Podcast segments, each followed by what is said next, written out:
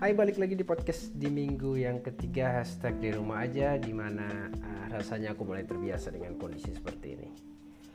Minggu ini kita bakal bahas satu topik soal produktif di rumah buat siapa pun. Dan juga jangan lupa podcast ini akan terus diupdate Jumat atau Sabtu di minggu depan. Untuk menemani kalian yang patuh dan ngebantu social distance hashtag di rumah aja Minggu ini, sebuah artikel dikutip dari Forbes dengan judul 9 tips bekerja di rumah oleh Brian Robinson. Artikel ini aku kutip karena terinspirasi dari meeting hari Senin kemarin bersama salah satu eksekutif Telstra, uh, provider di Australia, lewat uh, online pastinya. Dan salah satu uh, penasehat perdagangan di industri uh, Australia Barat. Dan mereka yakin um, semakin kita mengerti bahwa tantangan dari virus ini bisa kita lawan dengan konsentrasi tinggi dan fasilitas yang kita punya seperti internet untuk tetap produktif. Terlepas dari itu semua, aku pilih 7 tips dari 9 tips dari artikel dan mungkin gak bisa cocok untuk beberapa audiens karena kita balik lagi ke gaya hidup masing-masing personal di situasi seperti ini. Karena semua orang unik dan berbeda. Oke, kita mulai 7 tips yang mempengaruhi produktivitas di situasi yang berisik saat ini. Nomor satu, pastikan menyediakan tempat atau zona bekerja, belajar, dan membaca yang free stress zone. Tempat yang sepi di mana bisa konsentrasi dengan dan desain juga untuk nggak ganggu kelancaran aktivitas orang di rumah.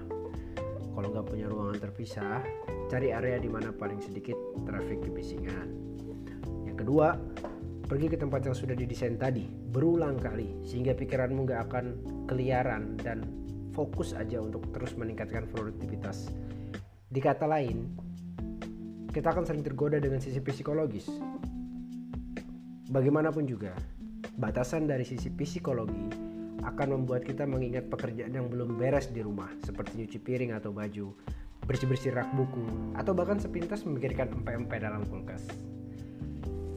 Jadi pastikan selesaikan tugas rumah yang tadi di waktu seperti biasa, yaitu terlepas dari waktu kerja atau aktivitas yang seharusnya terjadi seperti biasa. Oke, yang ketiga, setelah sisi psikologis kita amankan, lanjut atur sisi fisik di mana menjaga batasan fisik terhadap orang rumah juga penting. Maksudnya di sini, anggap aja kalian berada dalam satu jarak uh, jauhnya dengan orang di sekitar dan pastikan minta orang sekitar paham kalau kalian saat ini lagi nggak butuh pengalih perhatian. Um, kecuali kasus emergensi. Setelah berjalan sesuai agenda seharian mungkin di waktu jeda kalian bisa rehat sejenak seperti biasanya at coffee time atau teh break. Dan pada saat itu selesai kembali ke tempat tadi saat harus kembali produktif. Nomor 4 Cegah tamu tadi undang mengacaukan fokusmu seperti kadang-kadang orang rumah dengan sengaja uh, mutlak memang untuk mengobrol denganmu. Konsekuensinya, kamu akan telat dari deadline dan menunda pekerjaan. Padahal di sini kebanyakan orang sekitarmu melihat bekerja di rumah adalah hal yang berbeda dengan bekerja di kantor. Sebenarnya itu sama aja. Jadi pastikan cegah tamu tadi undang.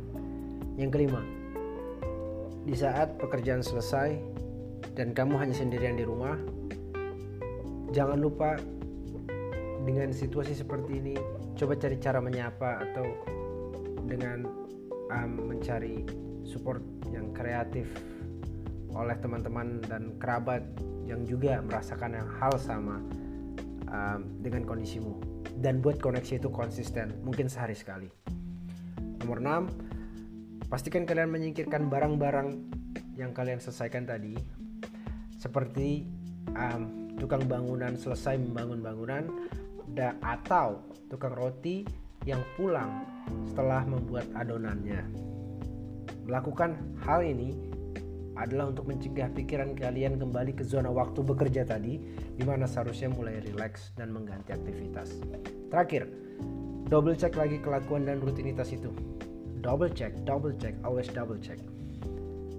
Menjadi orang yang kreatif, tenang, bahagia, tetap produktif, dan tidak terpuruk dalam situasi seperti ini adalah senjata terhebat yang kita bisa punya di tangan. Bagaimanapun juga, kawan terbaik di situasi seperti ini adalah mencari kesempatan dalam kesusahan, bukan mencari kesusahan dalam kesempatan. Maksudnya jangan lupakan hobi kalian di waktu luang seperti mencabut rumput, atau membersihkan kolam ikan sendirian atau mungkin dibantu dengan orang-orang sekitar. Atau bahkan hobi membaca yang kalian sudah lama tinggalkan. Itu adalah sebuah kesempatan dari waktu yang terbatas di rumah. Kita ketemu lagi minggu depan. Terima kasih buat yang udah dengerin. Bye bye